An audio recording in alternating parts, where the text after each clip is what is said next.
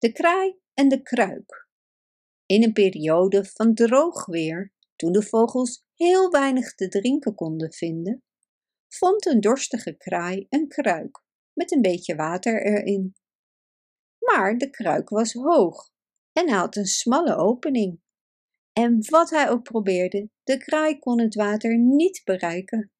Het arme beest was bang dat hij zou sterven van de dorst.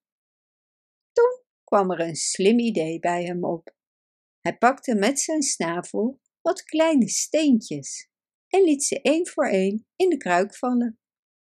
En met elke kiezelsteen steeg het water een beetje hoger, totdat het eindelijk dicht genoeg bij de rand was om te drinken. Bedankt voor het luisteren. Wist je dat je dit verhaal ook op onze website ririro.com/nl kunt lezen, downloaden en printen?